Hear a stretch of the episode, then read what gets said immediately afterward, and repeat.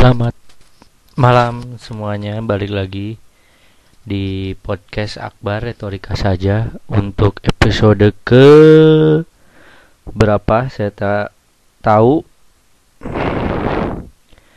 Sudah lama tidak pernah membuat rekaman podcast lagi, jadi mohon maaf karena mungkin saya malas dan sebagainya. Dan sekarang ada niat untuk melakukan lagi dan gimana kabarnya semuanya?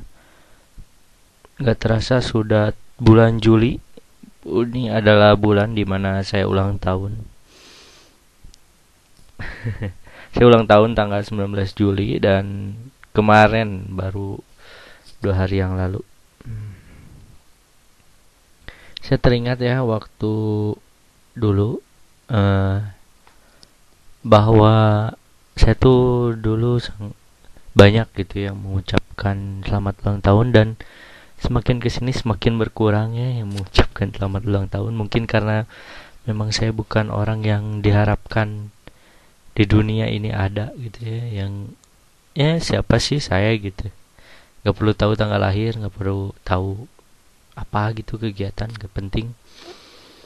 Nggak ada yang peduli kecuali pacar saya jadi tidak apa-apa sedikit uh, yang mengucapkan selamat ulang tahun tapi cukup bahagia sangat bahagia karena yang mengucapkan ulang tahun adalah orang yang paling spesial di hati saya. Cie bum bum bum.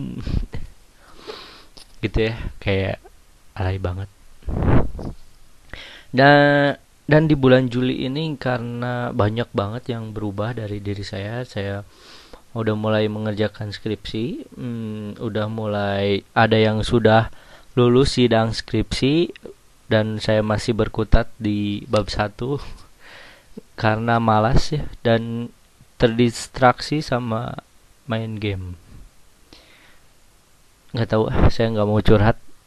Eh saya mau mengangkat topik yang menarik akhir-akhir ini mengenai bagaimana eh, pemerintah sekarang yang berupaya untuk merubah yang berusaha yang berkaitan dengan perpu ormas ya. Pe, peraturan perundang-undangan peraturan pengganti undang-undang. Peraturan pemerintah pengganti undang-undang perpu. Perpu ormas katanya. Eh perpu ormas itu itu menurut saya sebenarnya ini tuh eh sebenarnya tuh nggak penting ya. Uh, nggak nggak ada juga sih yang berharap opini saya ada bakalan didengar gitu ya. Uh, sebenarnya nggak berpengaruh juga opini saya berkaitan dengan hal-hal yang keren ya keren yang terjadi di di Indonesia ini itu tidak berpengaruh banyak ya. Uh, orang juga nggak bakal dengerin gitu ya. Nggak nggak bakal menjadi satu acuan satu apa pilihan satu satu informasi atau satu pegangan dari saya gitu. Saya tuh bukan opinion leader ada istilahnya. Ya banyak kok yang lebih mudah. Saya cuman mem ingin menyampaikan aja. Sekaligus latihan bagaimana kalau misalnya nanti kalau misalnya saya disuruh berbicara di depan dan mengungkapkan gagasan. Karena itu penting mungkin ketika saya suatu saat nanti diperlukan seperti ini. Ya mudah-mudahan akan ada masanya saya akan menyampaikan gagasan di depan semua orang. Ya baik, uh, pertama menurut saya Perpu Ormas pertama mengenai konteks pembuatan Perpu ya.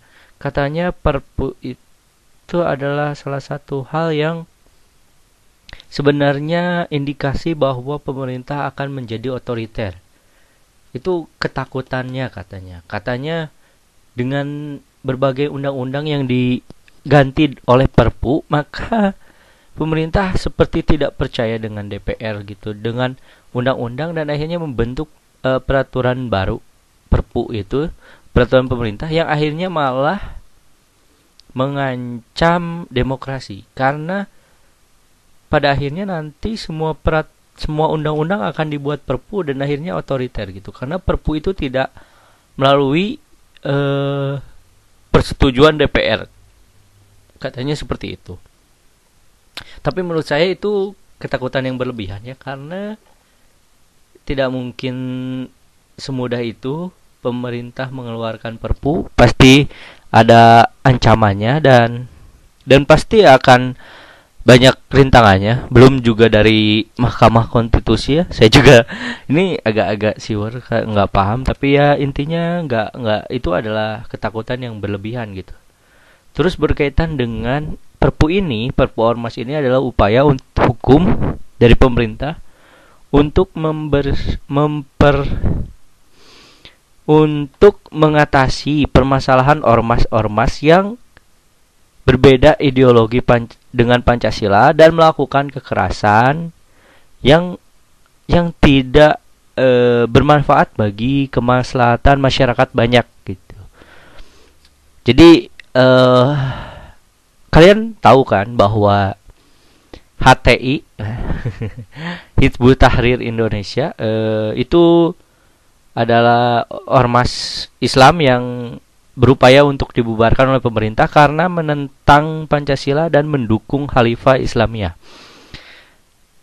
Nah, ini menarik karena kenapa? Karena saya jujur, saya tuh dari SMA hidup di lingkungan yang dekat dengan HTI gitu. Dan saya bisa memahami bagaimana bagaimana mereka ber ini apa ber berkumpul berserikat gitu. Terus saya terus saya uh, menga me mengungkapkan opini ini misalnya ya. kayak saya jujur saya adalah seorang liberalis Ay. saya adalah pen, apa saya berpikir bahwa saya bukan re, re, uh, saya nggak tahu ya saya tidak bisa melabeling itu tapi saya pernah dilabeli bahwa saya adalah seorang liberalis tulen. Padahal saya tidak ya karena menurut saya saya nggak tahu apakah saya ini termasuk liberalis atau komunis atau anarkis ya.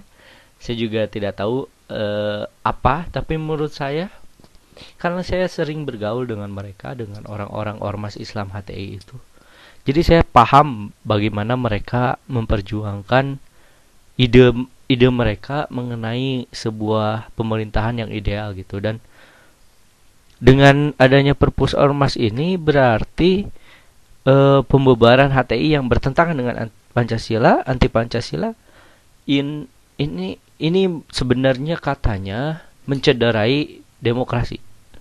Kalau menurut saya memang betul ya.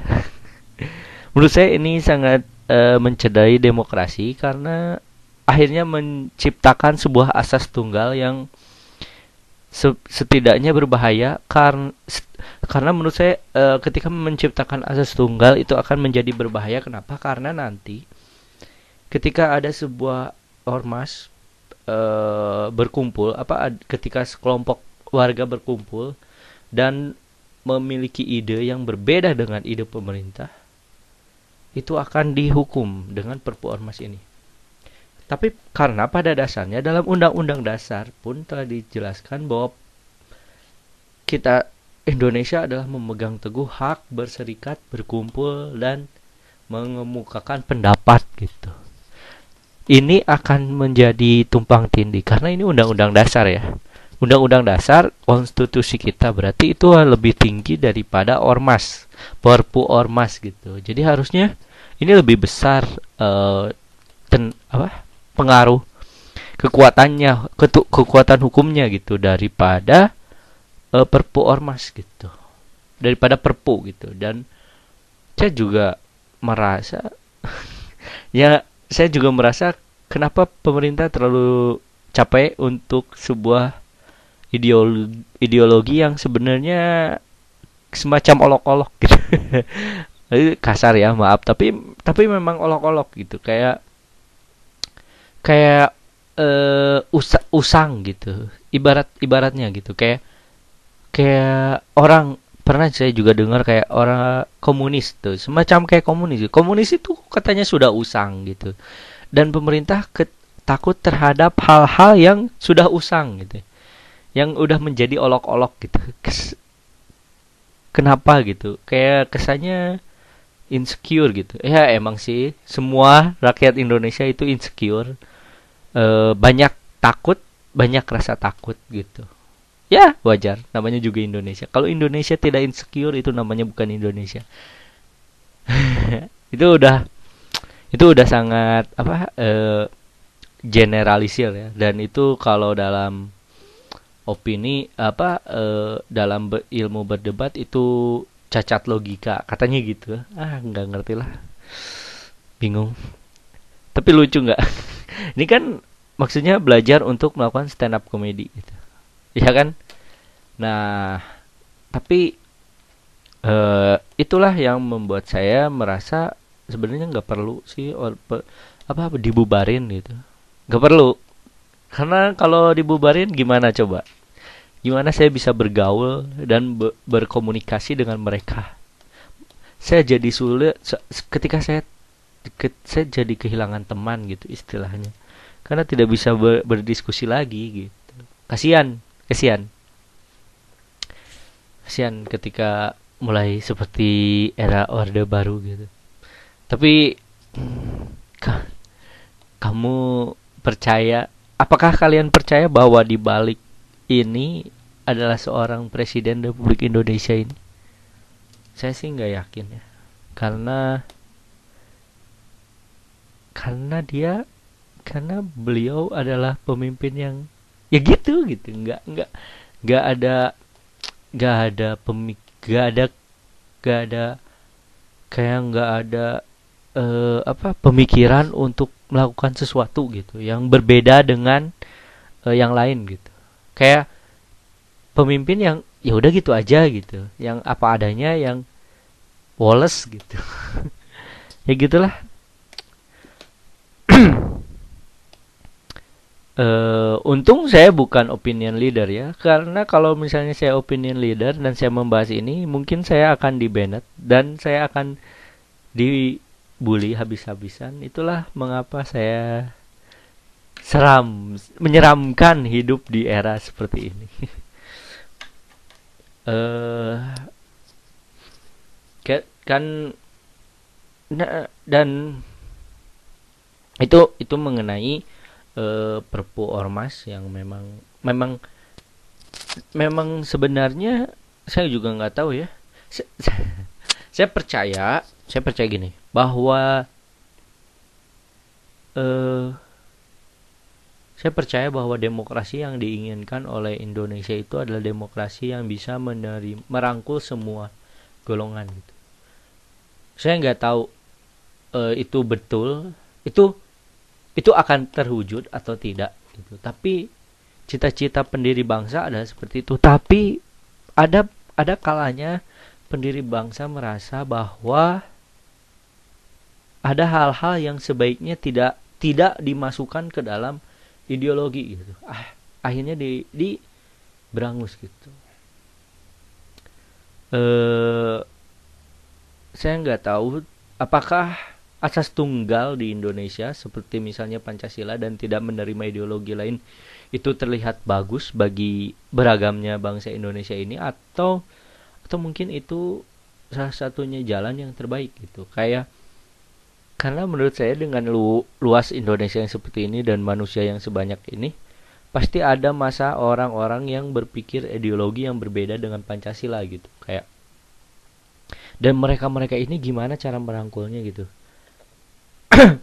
Apakah mereka diberikan kesempatan untuk melakukan sesuatu yang sama? Jadi sama-sama memperjuangkan ide, ide tentang negaranya dan diadakan pemilu dengan tanpa melarang ideologi-ideologi yang berbeda dengan Pancasila. Misalnya gitu. Apakah itu sebuah sistem yang ideal atau mungkin memang perlu pendidikan, pencegahan semacam P4 dulu atau semacam pendidikan Pancasila mungkin yang berusaha untuk menghentikan upaya dari orang-orang untuk belajar ideologi-ideologi yang berlawanan dengan Pancasila. Gitu. Atau mungkin dipisahkan. Misalnya uh, ideologi Pancasila dipisahkan dipisahkan ke uh, tempat lain. Jadi uh, ini ideologi ideologi Pancasila uh, berusaha dimasuki lebih dulu daripada ideologi ideologi, ideologi lain gitu. Jadi semacam agar nanti orang-orang itu tidak mempercayai ideologi lain gitu. Tapi itu juga tidak mungkin karena mungkin orang-orang akan terus manusia pada hakikatnya senang mencari tahu gitu tapi Masalahnya adalah di Indonesia ada orang-orang yang merasa ketakutan terhadap ancaman-ancaman yang mengancam Pancasila. Bahwa mereka akan mengalami kehancuran. Indonesia akan hancur kalau misalnya uh, apa? orang-orang yang ber, berpandangan lain dengan Pancasila diberikan ruang gitu, diberikan kesempatan yang sama untuk memil menguasai negara ini gitu. dan akhirnya merubah ekstrim konstitusi kita. Lu kebayang nggak? Kebayang nggak kalau misalnya konstitusi kita berubah? Kebayang nggak? Nggak akan ada man warga rakyat biasa yang kebayang. Pasti karena mereka nggak ngerti apa itu konstitusi ini jahat ya yang juga saya takutkan adalah buzzer. Jadi uh, sosial media. Jadi apa? Uh,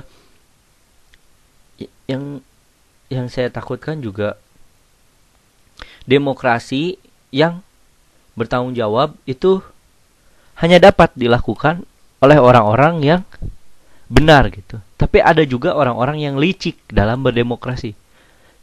Contohnya adalah penggunaan buzzer atau akun anonim. Dalam demokrasi, akun anonim itu disahkan, boleh. Tapi dalam demokrasi yang bertanggung jawab itu tidak boleh. Pemerintah dalam hal ini sebagai regulator harus bisa membuat eh, apa? Membuat akun-akun anonim ini bertanggung jawab. Tapi itu tidak mungkin. Karena orang-orang yang hidupnya lurus pun, hidupnya tidak licik, demokrasi yang bertanggung jawab pun tidak tidak setuju dengan buzzer yang ada gitu. Jadi kalau buzzer tidak ada atau akun anonim tidak ada, orang-orang yang berdemokrasi bertanggung jawab pun tidak setuju, pemerintah akan ditentang gitu. Tapi masalahnya pemerintah sangat khawatir dengan akun anonim ini. Kenapa? Karena ini demokrasi yang licik. Akun anonim ini bisa menggiring opini, membentuk opini, bagaimana mempengaruhi masyarakat, membentuk opini di masyarakat yang merugikan masyarakat dan pemerintah. Betapa berpengaruhnya sekali uh, akun anonim ini. Dan kalau misalnya ini diberhentikan, ditutup itu, di di apa diberangus atau dibuat regulasi agar ini dilarang orang-orang akun anonim ini maka rakyat Indonesia akan menentang karena pemerintah tidak jadi demokrasi gitu gimana solusinya saya men, saya merasa bahwa masyarakat kita harus bisa mampu mampu untuk membedakan mana akun anonim yang dapat dipercaya dan tidak gitu jadi perlunya pendidikan dalam memilih dan memilah pandangan eh, apa perkataan orang lain itu sangat penting di Indonesia ini. Pendidikan yang mampu memilah dan memilih informasi yang benar. Penting sekali. Ketika ada orang mengajak tentang ideologi terbaik kayak semacam HTI itu, ketika pem, rak, uh, apa masyarakat anak-anak kita mampu untuk punya keberanian untuk menentang, untuk memilah dan memilih informasi, maka ha, per, apa ormas-ormas yang bertentangan dengan Pancasila, ormas ormas-ormas yang melakukan kekerasan, ormas-ormas yang berlaku curang, terus akun akun-akun anonim akan tidak laku gitu. Karena ya sebenarnya saya akan kasar ya ini tapi lucu tapi kasar. Saya takut. Ya sama kayak eh ya sama kayak barang terlarang gitu. Eh diju apa mahal dan laku ya karena banyak yang suka gitu. Gimana kalau misalnya barang itu tidak jadi banyak yang suka? Apakah barang itu laku? Kan tidak akan laku gitu. Ya sama seperti itu aja. Dan dan bayangkan kalau misalnya akun anonim tidak laku ormas-ormas tidak laku yang berbuat curang apakah mereka akan berbuat curang dan membuat akun akun, akun anonim itu. Saya nggak yakin. Mereka akan berpikir kayak aduh udah nggak ada untungnya nih bikin ini nih. Udahlah nggak usah lah. Udah nggak usah bikin kayak gini-gini udahlah bikin yang lurus-lurus aja. Itu akan lebih baik bagi demokrasi kita.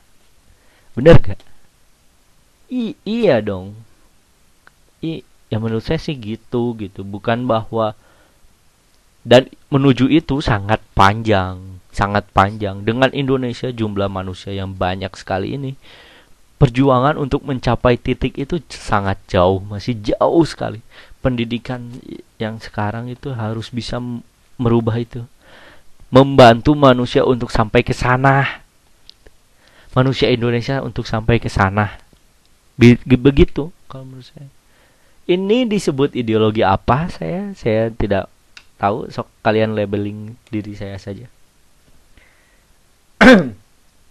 ya itu ya. Terus uh, juga saya tuh saya tuh punya jokes gini ya. ini nggak tahu lucu nggak tahu enggak ya. Jadi kayak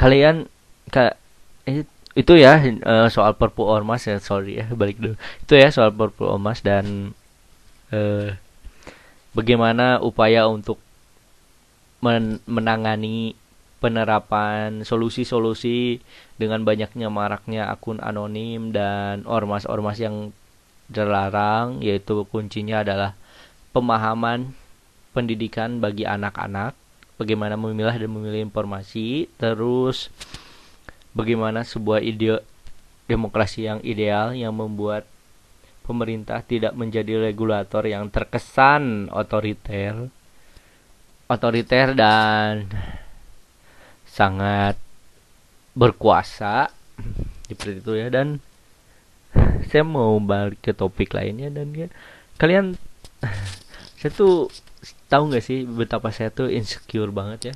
Saking insecure-nya kalian tahu nggak sih bahwa ada tren yang namanya face off itu?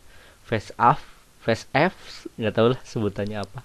Pesep nggak tahu lah pokoknya. Itu tentang uh, apa uh, aplikasi bagaimana apa membentuk wajah kita menyerupai uh, mengubah wajah kita terlihat seperti nenek-nenek kakek-kakek perempuan laki-laki ganteng ya gitu-gitu. Yang merubah itu tahu nggak sih kalian? Itu yang sempat ngetren tahu nggak sih? Kenapa sih orang-orang pada seneng gitu ya pakai itu? Kalian nggak merasa takut gitu ya kalau saya sih merasa takut gitu.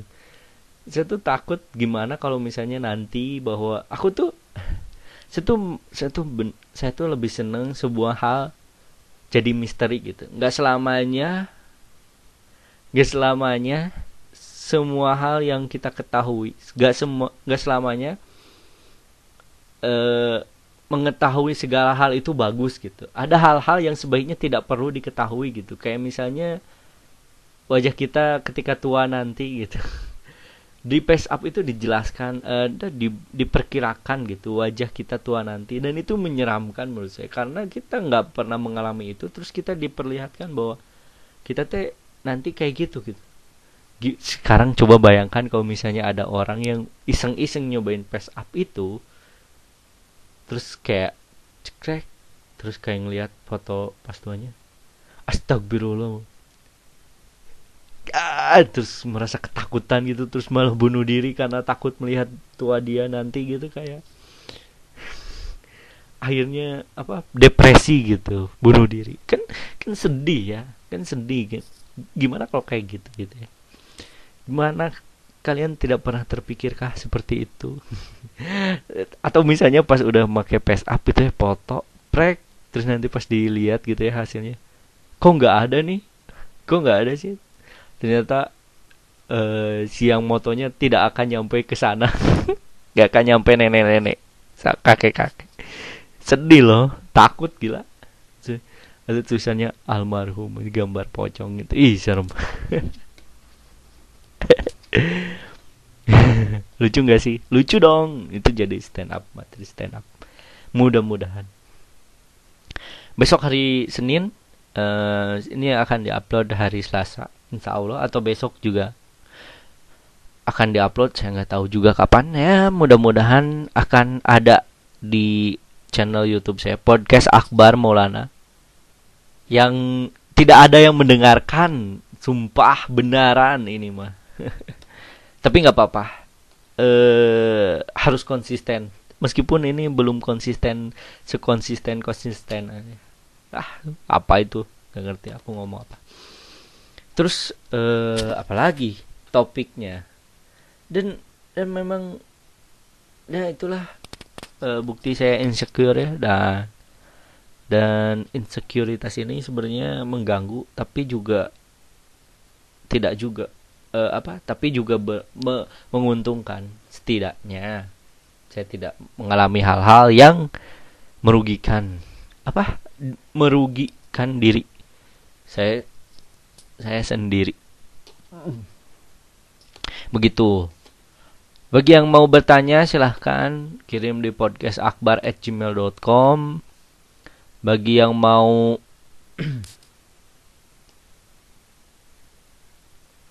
bagi yang mau uh, berkomentar atau mengunjungi boleh di podcast Akbar di channel YouTube-nya podcast Akbar. Klik aja di sana. Ada insya Allah. Meskipun subscribernya masih satu sedikit lah pokoknya mah. Sakit tuh sakit tuh nak. Dan ya eh ya segi segini aja gitu ya kok sedikit amat sih kayak ini baru 27 menit gitu ini targetnya tuh 30 menit. Ini gara-gara nggak ada yang nanya nggak ada topik lagi. Jadi apa kesimpulannya hari ini? Perpu ormas itu tidak bagus harus dihentikan. Karena kasihan teman saya nggak punya hiburan gak punya pandangan politik yang bisa membanggakan dia dan saya tidak punya teman akhirnya karena teman diskusi saya jadi merasa dirinya malu dan merasa takut jadi akan menghindar dia akan bergerilya mencari perlindungan mungkin nanti teman-teman saya yang suka berdiskusi dan orang-orang LSM yang melakukan kekerasan akan hilang tapi hilang dengan berbahaya. Kenapa? Karena ya mungkin mereka hilang, tapi kamu juga bisa. Bener gak? mungkin mereka hilang, tapi kamu juga bisa. Pemerintah bisa saja menghilangkan kamu dengan undang-undang ormas ini. Kekerasan. Tidak kekerasan berlaku untuk ormas yang melakukan kekerasan. Tapi ormas yang melakukan kekerasan bisa datang dari siapa saja bisa dari kamu. Itulah mengapa ini menakutkan. Kenapa? Karena ini sangat subjektif. Apakah kamu yang akan e, misalnya kamu melakukan kekerasan, tapi menurut kamu tidak melakukan kekerasan. Pemerintah mengatakan itu melakukan kekerasan. Jadi eh, hukum apa jadi kesalahannya sangat uh, apa eh, one sided gitu satu arah dari dari dia ke sini gitu. dan ini sama kayak pasal karet lainnya ya seperti undang-undang ITE pasal karet adalah pasal yang sangat ringkih sangat mudah dipakai di ombang-ombing di nyoy-nyoy kayak kayak karet. Bisa digunakan oleh hal-hal yang sebenarnya tidak perlu. Tidak perlu dihukum. Cukup ditegur aja atau mungkin ditonjok. Itu baru ditonjok. Baru ditonjok dapat hukuman. Kalau cuman ah lu gendut. Nah itu bisa dihukum. Tapi itu sangat ap, apa sih yang membuat perbuatan tidak menyenangkan? Apa itu perbuatan tidak menyenangkan? Semua perbuatan tidak menyenangkan bagi orang yang insecure betul tidak? Itulah mengapa pasal-pasal ini sangat berbahaya bagi demokrasi. Katanya gitu dan saya pun setuju. Oke sekian aja dulu eh podcast Akbar untuk topik kali ini karena masih banyak topik yang lain dan masih banyak hal-hal yang akan dibahas di sini dengan berbagai pemikiran yang absurd, aneh, tapi berisi dan insya Allah memiliki manfaat bagi para pendengarnya. Yang gak tahu ada gak tahu enggak sekian dari saya. Podcast Akbar retorika saja karena di sini semua hanya retorika. Tidak ada di sini hanya retorika. Tidak ada action atau aksi. Ini hanya semua retorika saja.